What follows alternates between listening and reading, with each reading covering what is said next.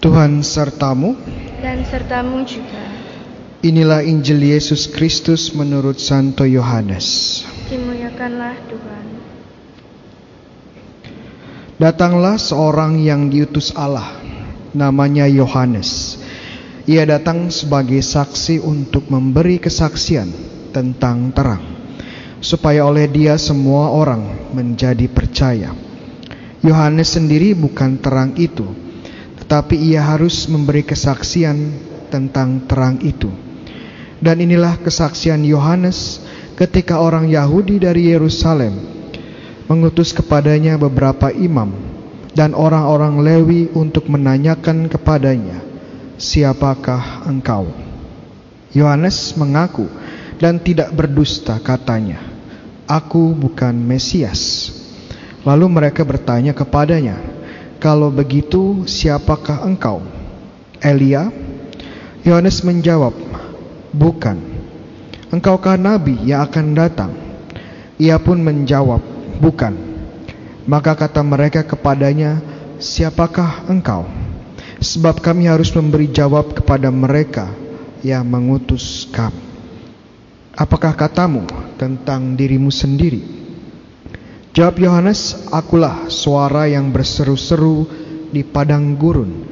Luruskanlah jalan Tuhan, seperti yang telah dikatakan Nabi Yesaya." Di antara orang-orang yang diutus itu ada beberapa orang Farisi. Mereka bertanya kepada Yohanes, "Mengapa engkau membaptis jikalau engkau bukan Mesias, bukan Elia, bukan nabi yang akan datang?" Yohanes menjawab kepada mereka, "Aku membaptis dengan air, tetapi di tengah-tengah kamu berdiri Dia yang tidak kamu kenal, yaitu Dia yang datang kemudian daripadaku. Membuka tali kasutnya pun aku tidak layak." Hal itu terjadi di Betania, di seberang Sungai Yordan, di mana Yohanes membaptis orang. Demikianlah Injil Tuhan. Terpujilah Kristus.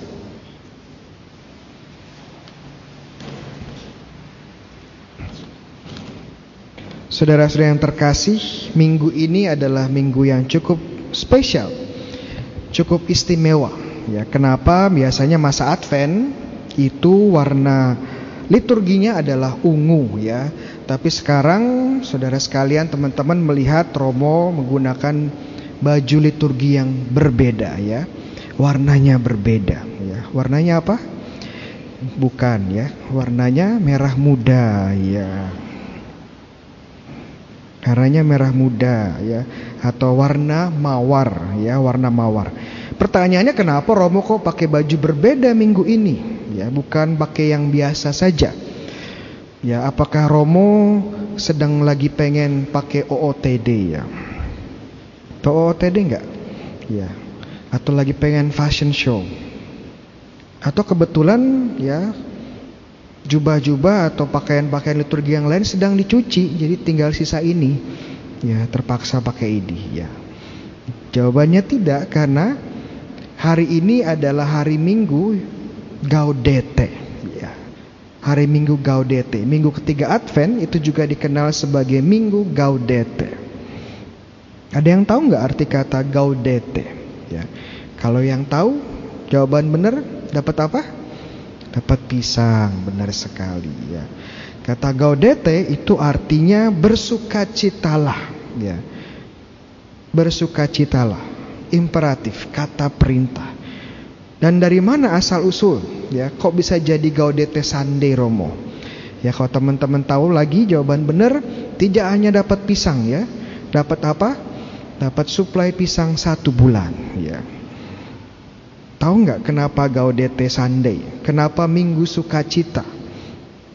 Jawabannya pertama karena tadi kalau kita dengar pada antifon pembukaan, ya, lektor bilang apa?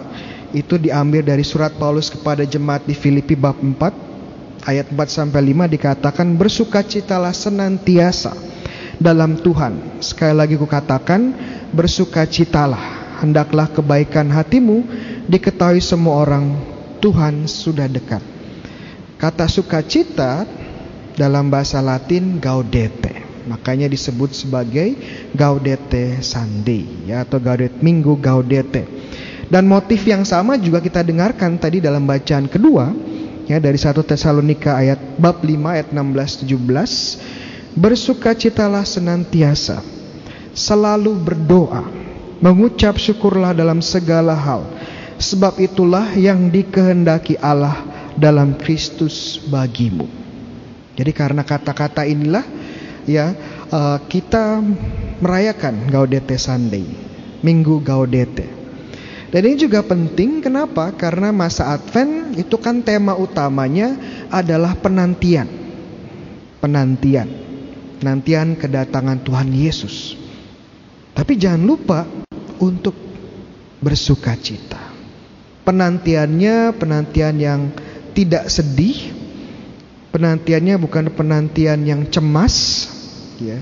Bukan penantian yang penuh ketakutan, tetapi penantian yang penuh sukacita. Makanya ditekankan pada minggu Advent ketiga ini. Iya. Itu kenapa saya pakai warna merah muda, ya. Jadi jangan bilang romonya lagi gokil ya. Lagi cupu-cupu gimana gitu pengen coba yang lain. Enggak, ya. Ini memang dipakai gereja minggu ketiga. Ya. Pertanyaannya yang lebih mendasar adalah apakah gereja tidak begitu naif dalam mengajak kita bersuka cita di dalam masa yang sulit ini. Gaudete kan sukacita. Gereja mengajak kita bersuka cita.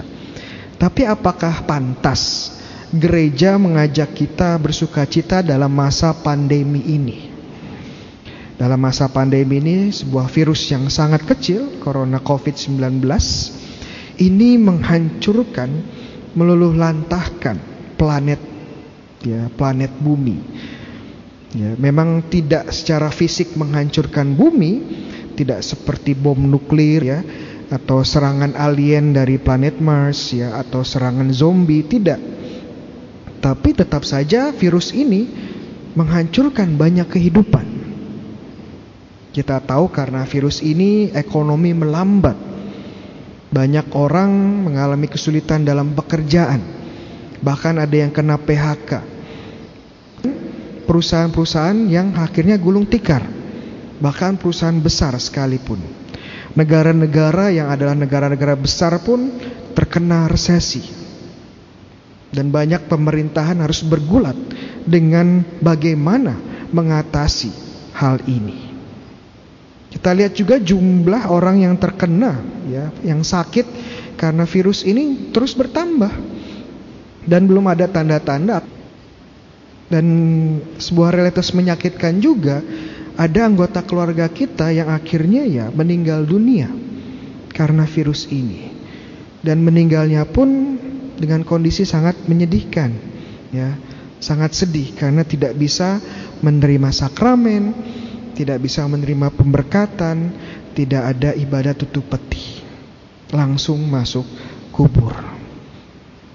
Kondisi yang tidak begitu menyenangkan, kondisi yang menyedihkan. Dan bagaimana kita bergereja ya, hidup menggereja pun berubah karena virus ini. Bentar lagi Natal.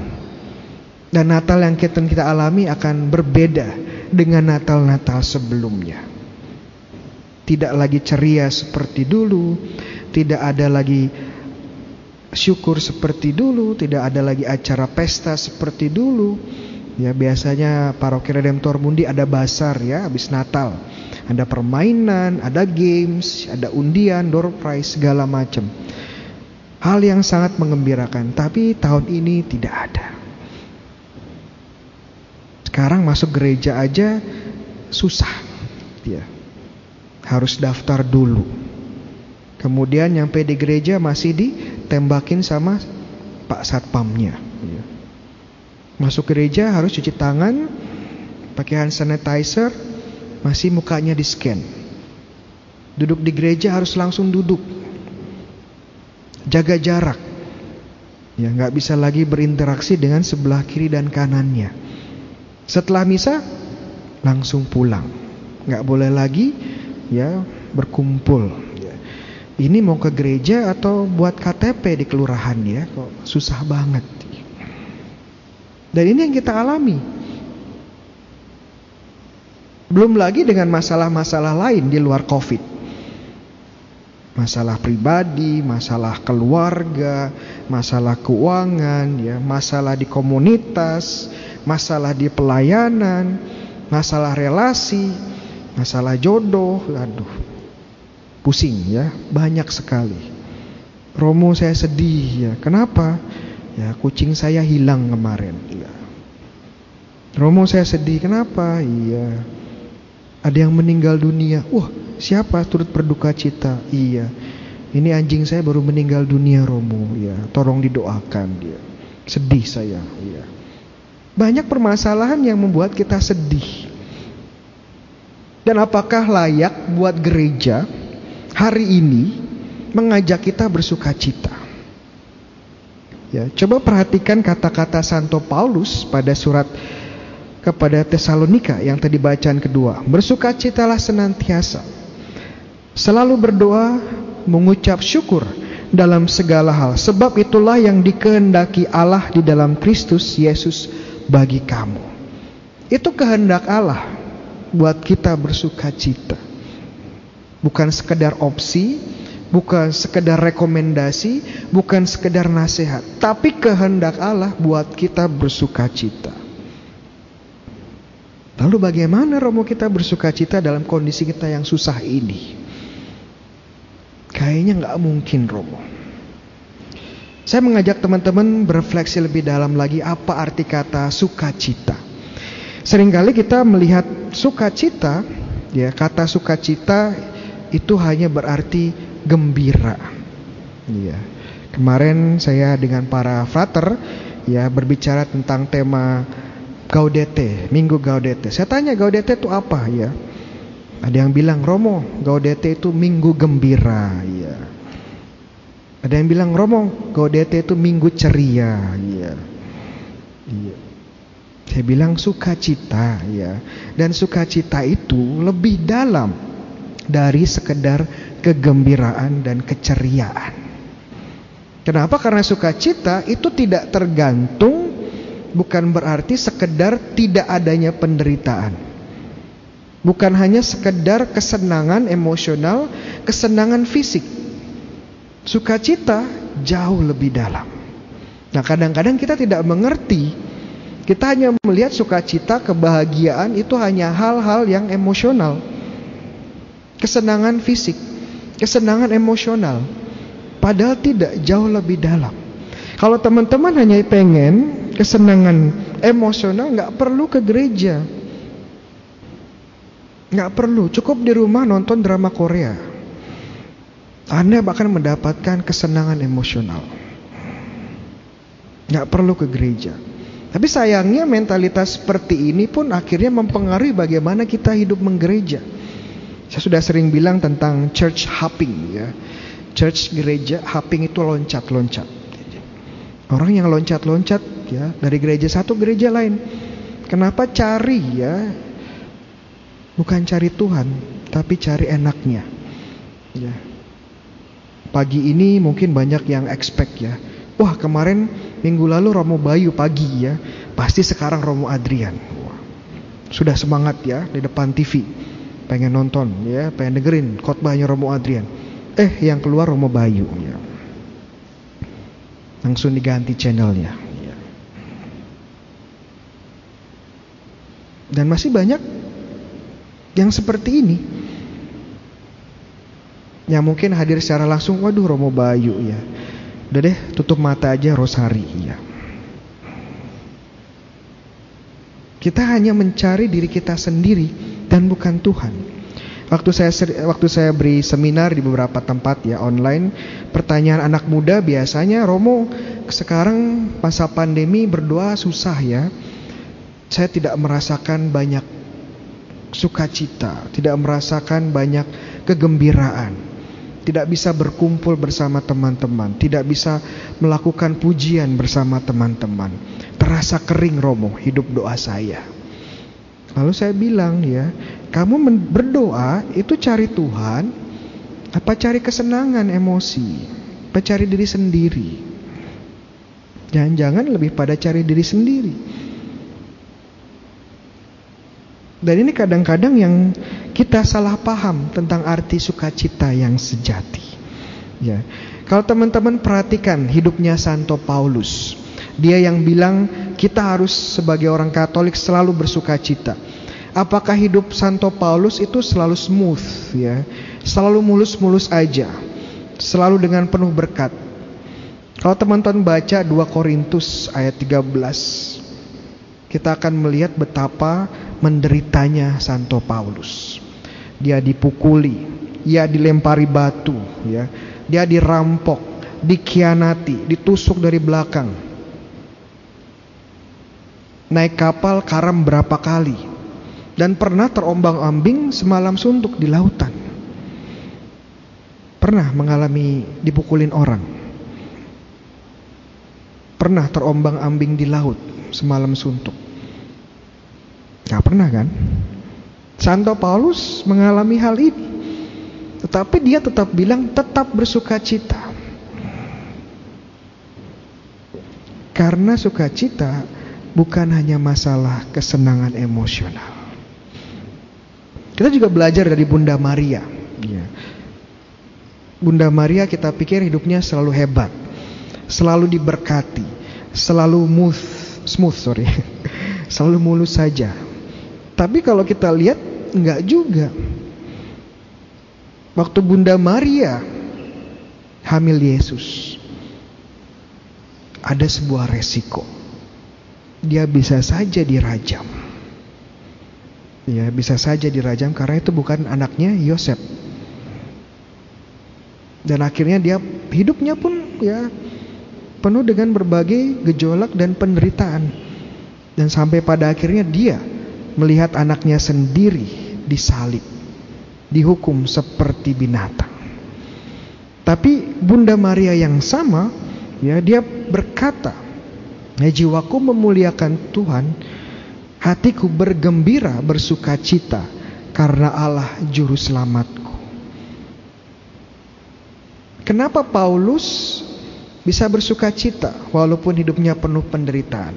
Kenapa Bunda Maria bisa bersuka cita walaupun hidupnya tidak selalu mulus? Jawabannya karena Paulus dan Bunda Maria menemukan sesuatu. Bunda Maria dan Santo Paulus telah menemukan Yesus. Mereka menemukan Yesus bahkan di dalam hal-hal buruk sekalipun. Teman-teman sadar nggak Tuhan Yesus lahir di mana? Kita tahu kan Tuhan Yesus lahir di kandang. Pernah berpikir nggak kenapa Tuhan Yesus lahir di kandang? Kenapa nggak lahir di rumah sakit yang lebih pantas? Kenapa nggak lahir di istana? Ya, kenapa nggak lahir di rumah sakit kelas 1? Ini Tuhan loh, jadi manusia.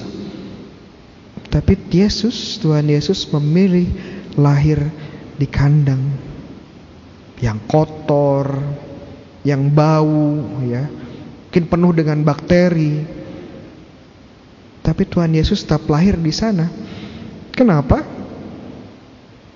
Karena Tuhan Yesus ingin menunjukkan kepada kita, bahkan dalam hal-hal jelek sekalipun dalam hidup kita, Tuhan Yesus ada di sana.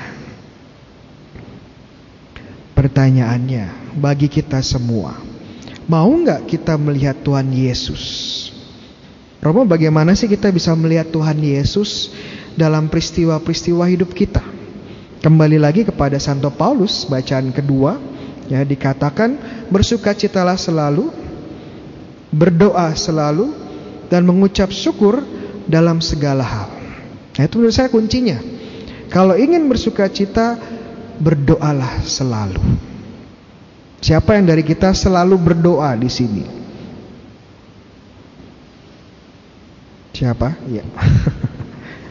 Bisa angkat kaki, dapat pisang langsung. Ya. Kadang-kadang kita berdoa ya seminggu sekali lah cukup pas misa. Ya sebelum tidur tiga menit. Ya kalau ada waktu. Ya kalau lagi butuh sama Tuhan. Tuhan semoga hari ini saya menang togel ya. Baru ingat Tuhan. Tapi di momen-momen lain kita tidak berdoa. Kita tidak berkomunikasi dengan Tuhan. Ya bagaimana kita bisa menemukan Tuhan kalau kita tidak pernah mencari Tuhan, tidak pernah berkomunikasi dengan Tuhan. Saya selalu bilang nggak apa-apa ya kalau kita lagi marah, lagi mangkel, lagi kesel, bilang sama Tuhan. Tuhan saya marah, Tuhan saya kesel, Tuhan saya lagi frustrasi, Tuhan saya merasa kecewa. Nggak apa-apa, bilang sama Tuhan. Nah, setelah kita curhat sama Tuhan, saya tambahkan, sekarang kamu tanya sama Tuhan. Tuhan, maksud kamu apa? Ngasih saya frustasi. Maksud kamu apa? Saya harus marah sekarang. Maksud kamu apa Tuhan? Rencana kamu apa Tuhan? Ya, bahwa saya harus gagal sekarang. Jadikanlah Tuhan rekan dialog kita. Dan saat kita berdoa selalu, kita pun diajar pelan-pelan ya melihat Tuhan dan melihat rencananya di segala bagian hidup kita. Dan saat kita bisa melihat Tuhan, kita pun akhirnya mampu bersyukur. Dan karena kita bisa melihat Tuhan dalam hal baik maupun tidak baik, hal besar maupun hal kecil, dan ini pasti kita akan bersyukur sepanjang waktu. Dan saat kita mampu bersyukur sepanjang waktu, kita mampu bersuka cita selalu. Sahabat-sahabat yang terkasih, inilah semangat Natal. Cari Tuhan. Bahkan di tempat-tempat yang paling tidak mengenakan sekalipun. Di kandang domba. Dan masa Advent secara khusus Gaudete, Minggu Gaudete mengajarkan kita bersuka cita. Entah bagaimana kondisi kita karena Tuhan selalu beserta kita. Amin. The Lord be with you. and with your spirit. A reading from the Holy Gospel according to St. John. Glory to you, O Lord. A man named John was sent from God. He came for testimony to testify to the light, so that all might believe through him. He was not the light, but came to testify to the light. And this is the testimony of John. When the Jews from Jerusalem sent priests and Levites to him to ask him, Who are you? He admitted and did not deny it, but admitted, I am not the Christ. So they asked him, What are you then? Are you Elijah? And he said, No, I'm not. Are you the prophet? He answered, No. So they said to him, Who are you? So we can give an answer to those who sent us. What do you have to say for yourself? He said, I am the voice of one crying out in the desert, Make straight the way of the Lord. As Isaiah the prophet said. Some Pharisees were also sent. They asked him, Why then do you baptize if you are not the Christ, or Elijah, or the prophet? John answered them, I baptize with water, but there is one among you whom you do not recognize, the one who is coming after me, whose sandal strap I am not worthy to untie. This happened in Bethany across the Jordan, where John was baptizing. The Gospel of the Lord. Thanks be to God. My brothers and sisters, good morning. Today you might notice uh, the robe I'm, uh, the chasuble that I'm using is color pink. Yeah, because it is my favorite color. No, because this is Gaudete Sunday, a joyful Sunday. So what is the, the, what could be the root of our joy? Uh, that's what we have to discover today. And for that, I have a story of a man in Papua New Guinea, or New Guinea. Uh, he is uh, better known as One Tooth. It was not his real name, but he is called as a description because All his teeth were gone except for one. That's why he's called One Tooth. And he is a supplier of firewood in one of the local hospital or clinic. because in the island they still have use uh, firewood, yeah, for cooking and uh, yeah anything. So he supplies firewood, but other than supplying firewood, he also enjoys reading the Bible to outpatients waiting for their turn to be attended to by the doctors. So in the waiting room, he would enter and then read the Bible and share his life and yeah, his like testimony uh, of his faith to our Lord Jesus Christ. Then one day he noticed that he has difficulty reading the Bible. It's becoming blurred. Just like me now, it's blurred because I have no eyeglasses. But his case is worse because it keeps on uh, getting uh, more blurred every day. Then he could not anymore afford but see a doctor. And then the doctor said, I have bad news for you. You are getting blind, and there's no cure to it. So one tooth said, Nah, I'm already old. Now I am becoming blind and useless. The following day, one tooth did not report or did not go to the hospital, even in the following day, uh, the, the day after that. Later, the doctor uh, heard that uh, one tooth uh, actually went to a particular deserted place in the island. And uh, the boy that uh, sends him food informed the doctor where the one tooth is residing now. so one tooth is alone. So the doctor went and say and visited him. What are you doing here? You are alone.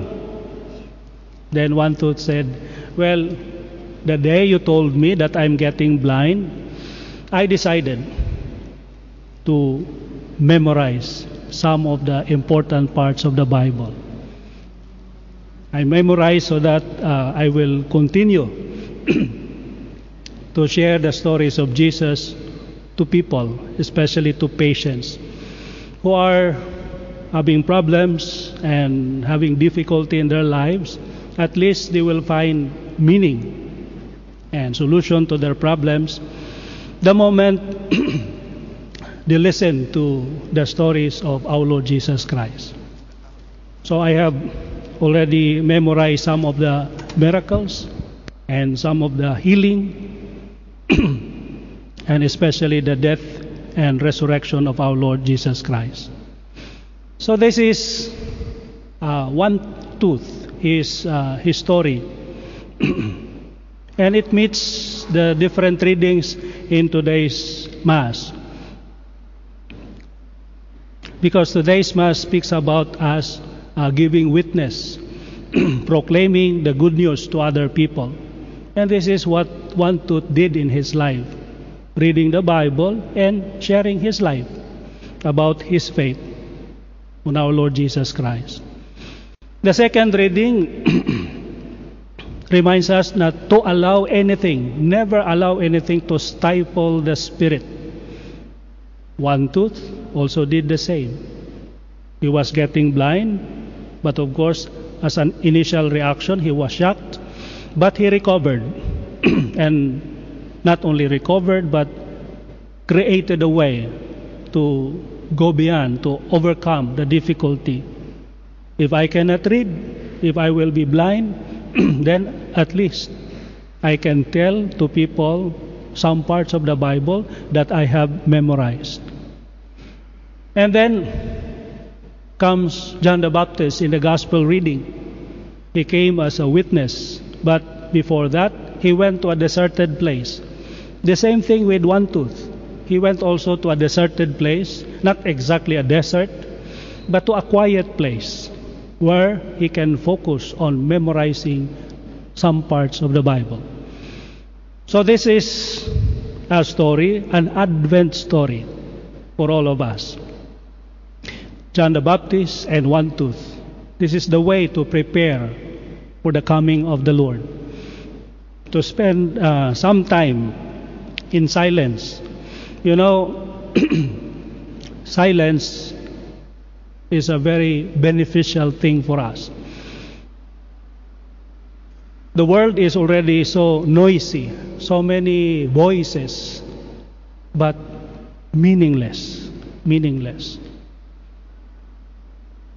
Many of us, especially the young, would have something in their ears always or almost always. Why? Because they can hardly uh, endure silence. Because silence is equated to boredom, and boredom, meaninglessness. When in fact, in silence, not in thunder or lightning, in strong winds or even earthquake, do we sense the presence of God, but in silence. But there are two kinds of silence silence that is empty of any noise, and that is absolute silence. That's not the silence that we aim, because silence is just a tool, it's not the objective. John the Baptist did not go to the desert so that there will be no noise there. No. He went there so that he will eliminate the meaningless noises or voices. And then listen to that meaningful voice, that word of God. One tooth, the same. He went to a deserted, meaning remote area, where there are no people who would disturb him, would talk to him, and there he talked to God and listened to his word and memorized it. Ah, that's the invitation for us. So, just like John the Baptist and and and one tooth, we may prepare for the coming of the Lord and prepare it with joy, real joy. You know, John the Baptist is the man whose joy is in place. Even as a as a little baby inside the womb of her mother, Elizabeth, he already knew what joy is, what's the source of joy. Elizabeth told Mary that the moment your greeting reached my ears, the baby in my womb leapt for joy. So John the Baptist knew exactly the source of joy, and that is the presence of the Lord. The Lord is here, and he was so joyful. He went to the desert to encounter the Word, to listen to the Word before speaking, so that he, as the voice that cries from the wilderness, makes straight the path of the Lord, would really carry the Word, not the noise, but a real voice, a meaningful one, and that is God Himself. So that is our invitation today. First, to keep quiet but of course, closing our mouth is just half the effort. Because sometimes we close our mouth, but our mind continues to work and thinks for all the problems, all the difficulties, uh, all the other concerns. And people would, there are this negativity in our mind. No. Let go and release. And all these negative things but then uh, go to a certain place in silence, practically anywhere, because even in the middle of in the middle of so much noise and voices, if we are really centered on the Lord, we can still listen to Him. One of the Dominican priests, a veteran from World War II, uh, his name is Father Posadas. He already passed away. But one of the stories I heard from him is that there is no unbeliever in the foxhole. During wartime, when they meet uh, their enemies, the Japanese, well, to save their life, they have to jump inside to the foxhole. And that's where he experienced uh, his comrades crying, shouting, calling for their mothers. Mom, mama, mama. Kalau kami, nanay. Because when you are facing death, we remember the persons who really cared for us. And normally the mother, the father, the parents. So he, people crying and who are trembling. Then, of course, eventually they call on to God. That's why even in this noise, bullets are, are, are hitting uh, in several different directions. We can still find God. But I hope not in this way, only in desperate moments. Because some people would only remember God when they are in difficulties and they started to pray. But in good times, yeah, relax and almost forget everything, not even thanking God for the good day. But when things are rough, then that's the time that we remember God. The invitation for us today is to search for that moment of silence, to listen to the Word of God. And then not only listen, because one tooth and John the Baptist did not only stay in the desert or go to a deserted place and stay there. No. It's as a preparation for them to share now, to testify. So that's an invitation for us. And to whom? Well, first to to our family, to our friends. Ah, how? Well, during the Christmas celebration, greetings. Ah, sometimes our focus is only on the gifts, on the gifts, especially uh, yeah in countries like Philippines where Christmas starts in Ber, September, October, November, December, because it's a commercial thing. People are already told save money, save, save, so that you can buy, buy, buy and then you will enjoy, enjoy, enjoy the real meaning of Christmas. Wow. It's a commercial way of celebrating. So much so that those who cannot buy and did not receive any gifts, material gifts, cannot feel Christmas. When they are asked, How is Christmas? Hmm, nothing. Oh, because they equate it with commercial value.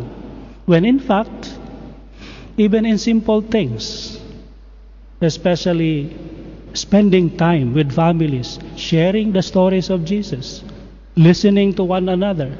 That's already Christmas. Ah. And then, of course, to friends far away, of course, now text is easy. Then uh, surprise them with a Christmas card. yeah. Because now uh, electronic messages so fast, why bother to write a letter? precisely bother to write a letter so that they will be surprised. Perhaps some people, for the first time, they receive a letter, snail mail. Hmm. But there is personal touch. You can almost smell the perfume of the person writing the letter. And ada yang uh, intentionally putting it so that would remind, oh, so he spent time writing, writing. That could be the way small, small touches of uh, witnessing that you care, you care for somebody. Then you would re- really be spreading joy this Christmas. And that's why the symbol of the pink color. Not only because it's my favorite color, but because we are reminded that Christmas is a joyful season. But the joy does not depend on material things, things that can be bought, but rather on our Lord Jesus Christ. A final story there was this family who, during Christmas, of course, they have this exchange gifts. So, before that, they place all the gifts under the Christmas tree. Then, during uh, Christmas time, the 25 25th of December. So they distributed the gifts to respective owners. Yeah. Then everybody already receives the gift, but this five-year-old uh, girl was still searching, searching under the the Christmas tree. What are you searching? A gift, a gift. Oh, everybody, grandma, grandpa, mama, then papa, Everybody already receives a gift. Your elder brother, your sister. No, no, no, no. Somebody still did not receive a gift. And then the mother asked, Who? The birthday celebrant. because Christmas is the birthday of our Lord Jesus Christ. I did not see a gift for our Lord Jesus Christ. Only we receiving gifts. But where is the gift? Of course, the baby, uh, the, the girl was mistaken, but she was very right. Very right. Sometimes our exchange of gifts is only among us and it's only expressed in material things. The best gift and the real gift that we can give is ourselves to our Lord Jesus Christ. Our testimony, our simple, simple, gentle, loving touch for one another. Then we truly, that's the time that we have truly understood Christmas and celebrated it with real joy. Amen. Tuhan sertamu. Dan sertamu juga. Inilah Injil Yesus Kristus menurut Santo Yohanes. Dimuliakanlah Tuhan. Datanglah seorang yang diutus Allah namanya Yohanes. Ia datang sebagai saksi untuk memberi kesaksian tentang terang, supaya oleh dia semua orang menjadi percaya.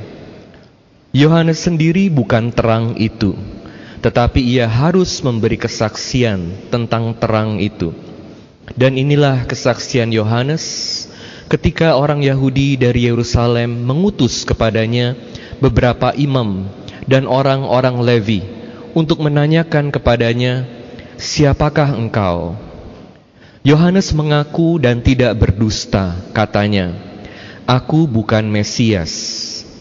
Lalu mereka bertanya kepadanya, "Kalau begitu, siapakah engkau?" Elia. Yohanes menjawab, "Bukan." "Engkaukah nabi yang akan datang?" Ia pun menjawab, "Bukan." Maka kata mereka kepadanya, "Siapakah engkau?" Sebab kami harus memberi jawab kepada mereka yang mengutus kami. Apakah katamu tentang dirimu sendiri? Jawab Yohanes, Akulah suara orang yang berseru-seru di padang gurun, luruskanlah jalan Tuhan. Seperti yang telah dikatakan Nabi Yesaya. Di antara orang-orang yang diutus itu ada beberapa orang Farisi. Mereka bertanya kepada Yohanes, "Mengapa engkau membaptis jikalau engkau bukan Mesias, bukan Elia, dan bukan nabi yang akan datang?"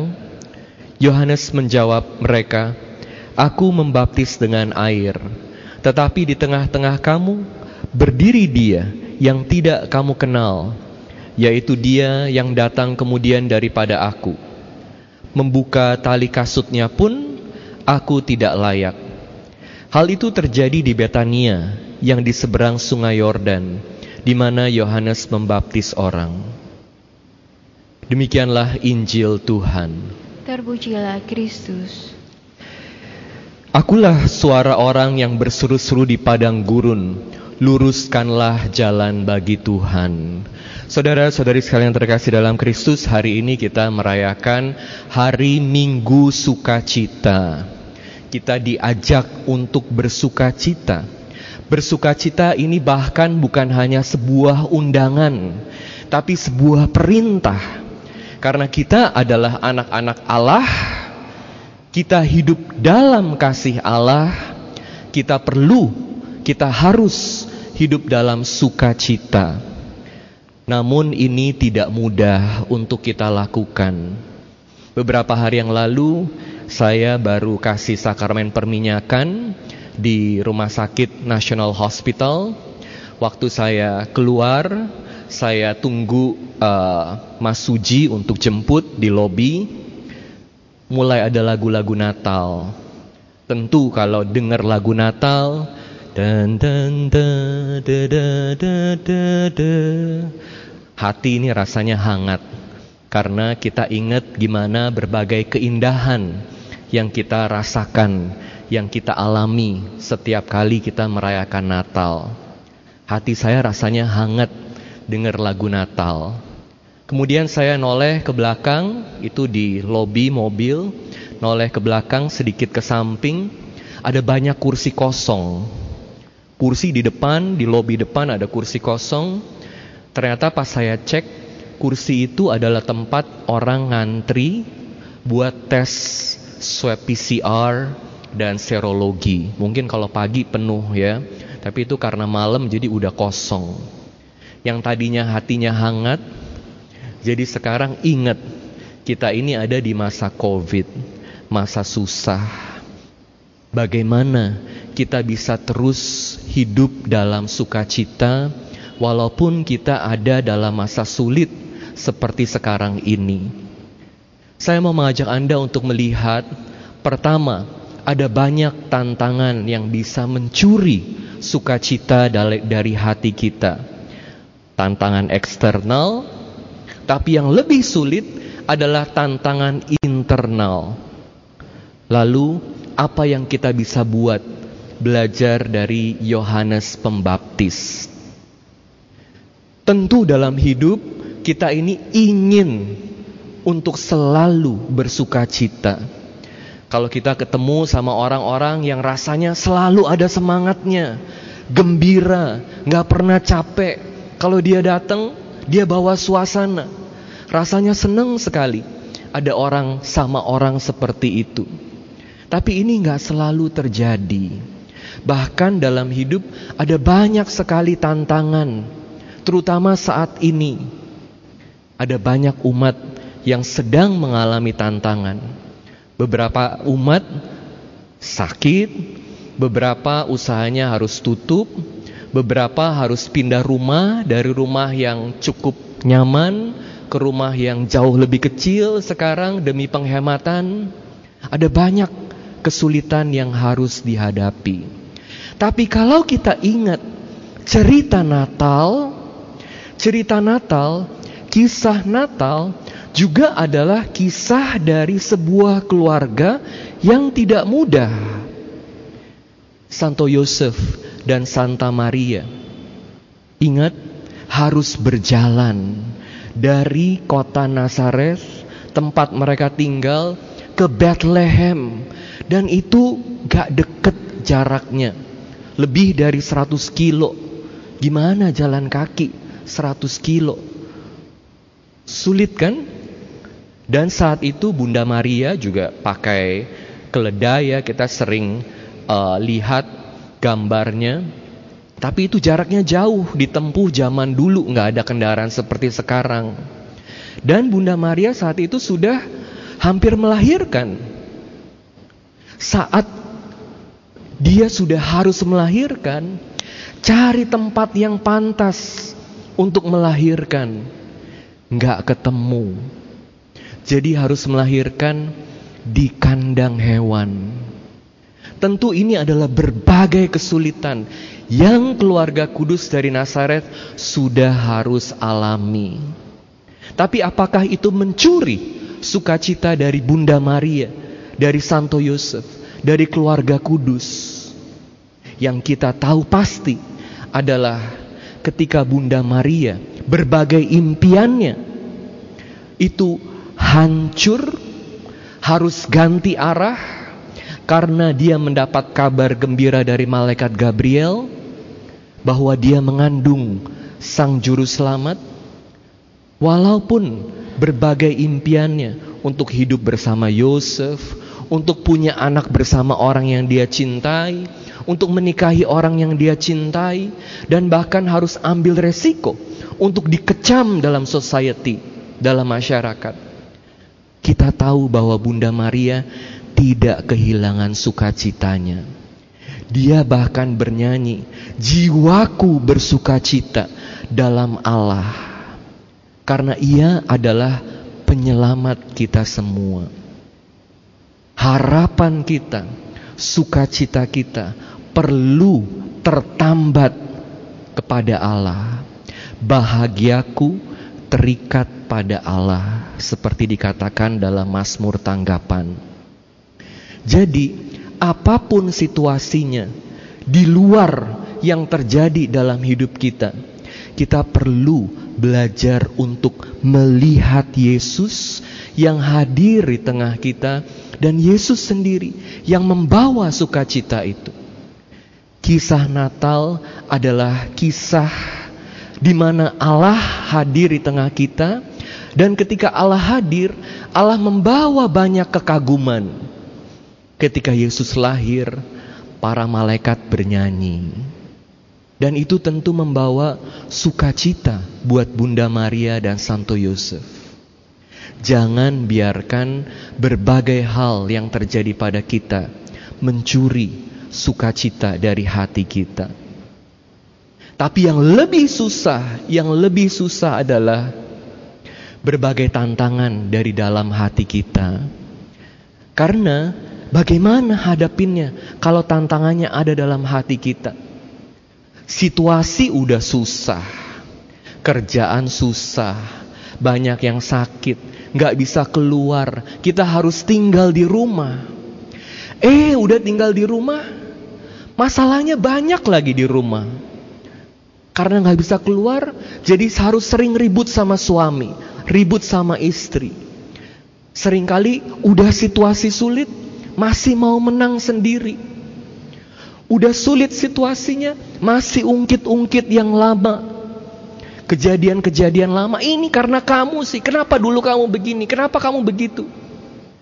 Sulit memaafkan, ada kepahitan, ada kemarahan dalam hati. Belum lagi kalau ada berbagai kesombongan dalam diri kita. Iri hati. Kenapa ya? Kok keluarga kita saat ini seperti ini? Sementara keluarga lain kok kelihatannya baik-baik aja, padahal situasinya sulit. Masih aja bandingin diri sama orang lain. Masih berbuat dosa. Ini jadi jauh lebih sulit. Oleh karena itu, kita perlu ingat kata-kata dari Yohanes Pembaptis ini, luruskanlah jalan bagi Tuhan. Karena Tuhan mau hadir dalam hati kita untuk memperbaharui hati kita, untuk membersihkan hati kita dari dosa, supaya hati kita dipenuhi dengan sukacita. Makanya kita perlu persiapkan hati kita. Satu hari Paus Fransiskus pernah cerita ada satu anak ditanya sama mamanya, "Nak, Natal ini kamu mau hadiah apa? Anaknya diam sebentar, kemudian dia bilang kepada mamanya, Ma, tahun ini aku nggak mau hadiah apa-apa. Loh, kenapa begitu? Aku nggak mau banyak barang-barang dari mama, dari papa. Aku cuma mau satu. Semangat Natal ada dalam keluarga kita. Kaget mama papanya. Apa itu semangat Natal? Paus Fransiskus bilang, semangat Natal adalah pengharapan yang didasarkan pada Yesus sendiri, bukan yang lain. Sukacita yang didasarkan pada kehadiran Yesus sendiri dalam hati kita, dalam keluarga kita, dalam hidup kita, bukan yang lain. Dan kalau Yesus hadir dalam hidup kita, dalam hati kita, dalam keluarga kita, apa yang Yesus bawa? Yesus lahir ke dunia karena dia mau bawa kasih supaya hidup dalam hati kita. Jadi, kalau saat Natal, salah satu hal yang kita lakukan adalah saling kasih hadiah satu dengan yang lain, itu karena dengan hadiah itu kita mau ingetin orang-orang yang kita kasih hadiah bahwa dengan hadiah ini aku mau bilang kepada kamu, aku peduli sama kamu. Aku sayang sama kamu. Bukan hadiahnya yang lebih penting, yang lebih penting adalah kepedulian kita satu dengan yang lain, kasih kita satu dengan yang lain. Jadi, selama masa Advent ini, kita perlu mempersiapkan hati kita supaya jangan sampai keegoisan dan dosa mencuri sukacita dari hati kita. Kita perlu belajar bersihkan hati kita. Belajar dari Yohanes Pembaptis yang walaupun hidupnya itu kelihatannya sulit di mata manusia. Karena apa? Karena dia hidup di padang gurun dengan segala kesederhanaannya. Tapi ternyata orang seperti Yohanes Pembaptis ini justru yang punya semangat untuk mewartakan Yesus, mempersiapkan jalan buat Yesus. Kalau banyak orang terganggu dengan kehadiran Yesus, salah satunya yang paling jelas adalah Herodes. Kenapa terganggu? Karena kesombongannya. Dia jadi tidak bisa bersuka cita dalam kehadiran Yesus karena kesombongannya, karena rasa tidak amannya, karena rasa irinya bahwa ada raja yang lebih besar yang akan datang dari dia. Yohanes Pembaptis mewartakan Yesus dengan keyakinan dan kerendahan hati. Anda bisa lihat bahwa ketika Yohanes Pembaptis berbicara tentang Yesus, dia bukan hanya berbicara dengan kata-katanya, dia juga berbicara dengan sikapnya, dengan hidupnya yang dipersembahkan kepada Allah. Ini yang perlu menjadi sumber kekuatan, sumber sukacita dalam hidup kita sehingga kita bisa jadi seperti Yohanes Pembaptis yang memberikan hidup kita buat Tuhan. Tentu Tuhan hadir lewat orang-orang yang ada di sekitar kita secara nyata. Keluarga kita, teman kita. Mau gak berkorban buat sesama kita? Mau gak berkorban buat keluarga kita? Mau gak memaafkan dalam keluarga. Gak gampang, tapi itu yang Yohanes Pembaptis ingatkan, luruskan jalan buat Tuhan supaya Yesus hadir dalam hati kita. Karena Yesus kan mau lahir. Kalau enggak berbagai dosa buat kita jadi tidak bisa bersuka cita dalam Yesus. Beberapa hari yang lalu saya terima satu cerita yang menarik sekali. Dalam cerita itu, cerita ini berbicara mengenai seorang profesor. Dia lagi di airport, lagi mau terbang ke Jakarta. Di sebelahnya duduk seorang ibu yang sangat sederhana, pakai pakaian Jawa. Kemudian profesor itu tanya sama ibu itu, "Bu, Mau ke Jakarta ya? Ngobrol aja biasa. Ibunya bilang, iya pak, saya mau ke Jakarta. Transit aja. Abis itu saya mau ke Singapura. Oh, ibu mau ke Singapura. Kalau boleh tahu bu, mau ngapain di Singapura? Mantu saya mau melahirkan di Singapura. Jadi saya mau kunjungin dia. Oh, anak ibu tinggal di Singapura. Iya pak, anak saya itu insinyur perminyakan. Jadi dia kerja di salah satu perusahaan minyak internasional dan sekarang dia jadi kepala cabang buat Asia Tenggara yang basisnya ada di Singapura. Wah, hebat sekali ya anak ibu ya. Padahal ibunya ini penampilannya sederhana sekali. Kemudian profesor itu tanya lebih lanjut, "Bu, kalau boleh tahu anaknya ada berapa?" Yang di Singapura itu anak nomor dua pak. Saya punya empat anak. Yang du yang lain lagi ada di mana? Anak saya yang nomor tiga itu dosen di UGM dan sekarang lagi ambil doktor di Amerika. Anak saya yang paling kecil dokter spesialis dan suaminya juga dokter spesialis.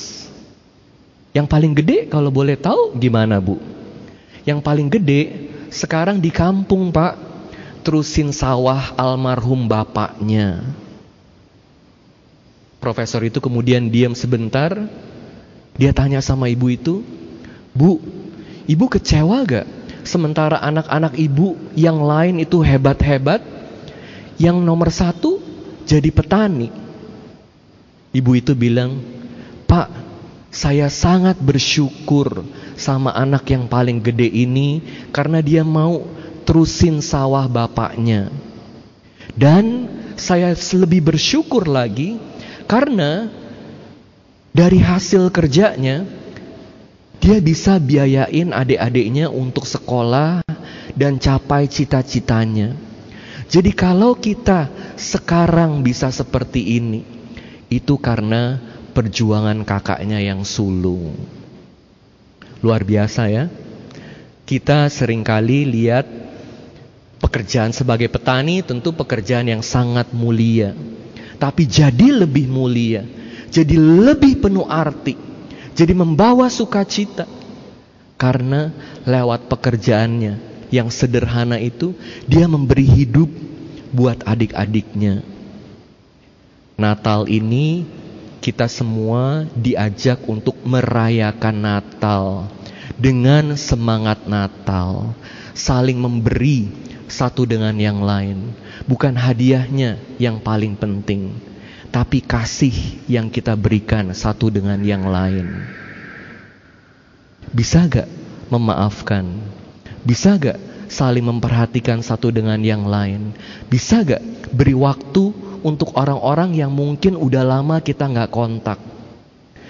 Natal di masa COVID ini harus jadi Natal yang berbeda.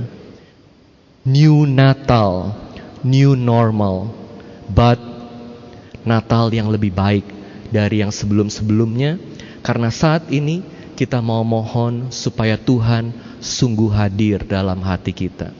Persiapkanlah jalan buat Tuhan. Amin.